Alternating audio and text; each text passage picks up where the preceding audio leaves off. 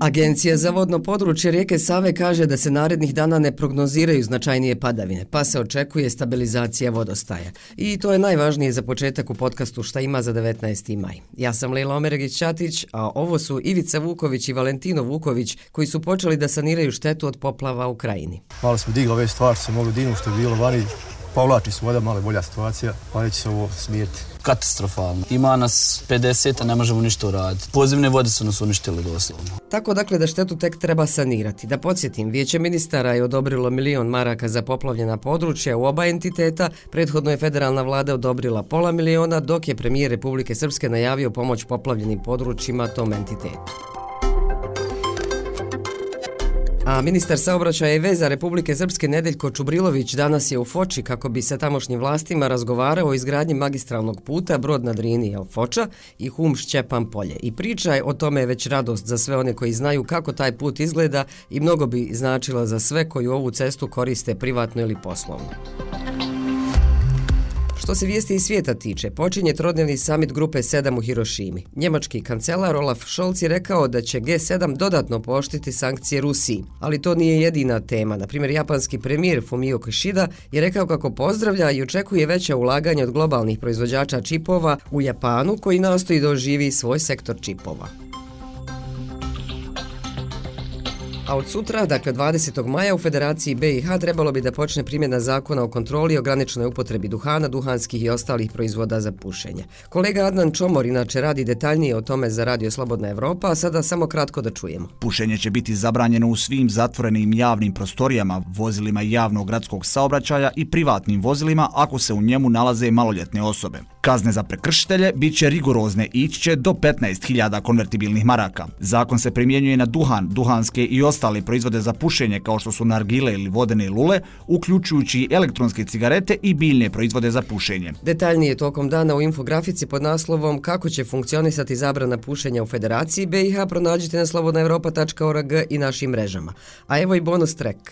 Pa neš, nema nikakvog efekta. Hoće li pušači dolaziti? Pa naravno da dolazi to, šta će, pa šta će, pa to je. To je Mislim, to. nema primjera da je neko propao zbog toga. Nema šanse. Idemo dalje.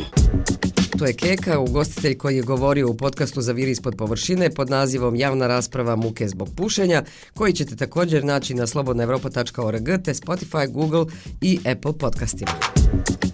A sad pozorišni festivali. U Sarajevskom kamernom teatru 55 od večeras pa do 25. maja pratite najbolje produkcije pet prestižnih pozorišta iz Hrvatske, Srbije, Crne Gore, Slovenije i Makedonije. Riječ je o regionalnom festivalu Ruta Grupa Triglav, koje je zapravo putujući festival, pa tako svake godine šest pozorišta putuje u šest različitih država, te se na taj način održi šest festivala.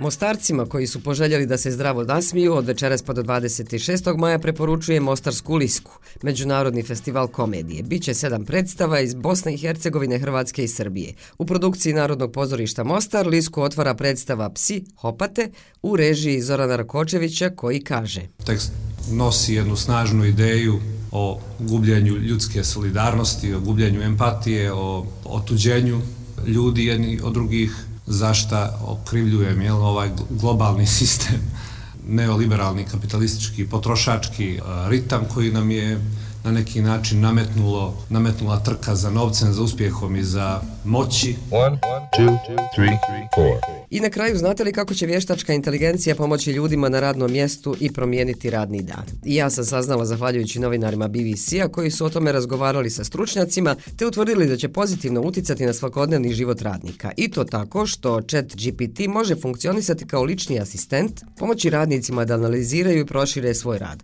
Može im, kažu, pomoći u pisanju bloga ili postova na društvenim mrežama. No, iako može uočiti netačnosti u tekstu ili neke stvari koje mi previdimo kao ljudi, ipak greške moramo ispravljati mi. I ne znam što da vam kažem, ne bih se ja previše oslanjala na to. Evo, slonila sam se na adres book mobitelu i više ne znam ni jedan jedini broj na pamet. To znači mobitel je pametan, a meni se mozak uljenjuje.